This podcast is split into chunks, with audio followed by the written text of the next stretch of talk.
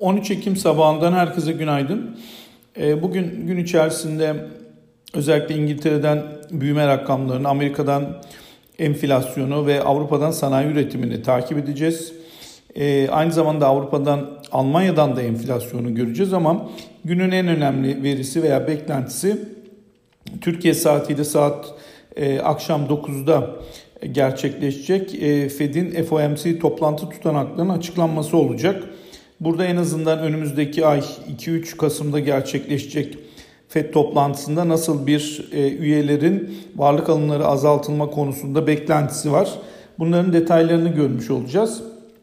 E, diğer taraftan piyasalarda aslında yurt dışında özellikle yatay bir başlangıç e, gözüküyor. Ons altında 1765 civarlarına yakın ama altında ve üstünde çok da kalıcılık sağlama isteği olmayan yatay bir piyasa var ki burada 1750-1760 aralığı e, şimdilik e, destek bölgesi gibi e, 1765'in üstünde de 1765 ve 1770 aralığı da direnç aralığı gibi gözüküyor.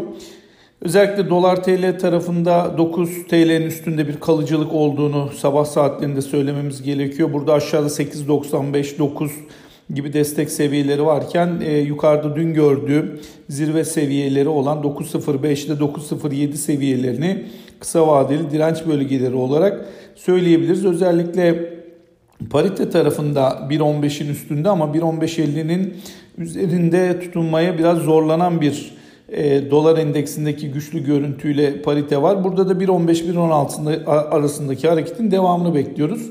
E, Borsa İstanbul'da 1415 1400 1393 destekleri bulunurken yukarıda 1415'in üstünde bir kalıcılık sağlanırsa 1425 1435 direnç bölgeleri takip edilebilir. Hisse bazlı hareketlerin Borsa İstanbul'da bugün de 1415 e, civarındaki endeks e, değerlendirmesiyle devam edeceğini düşünüyoruz. Herkese bol kazançlar, iyi günler diliyoruz.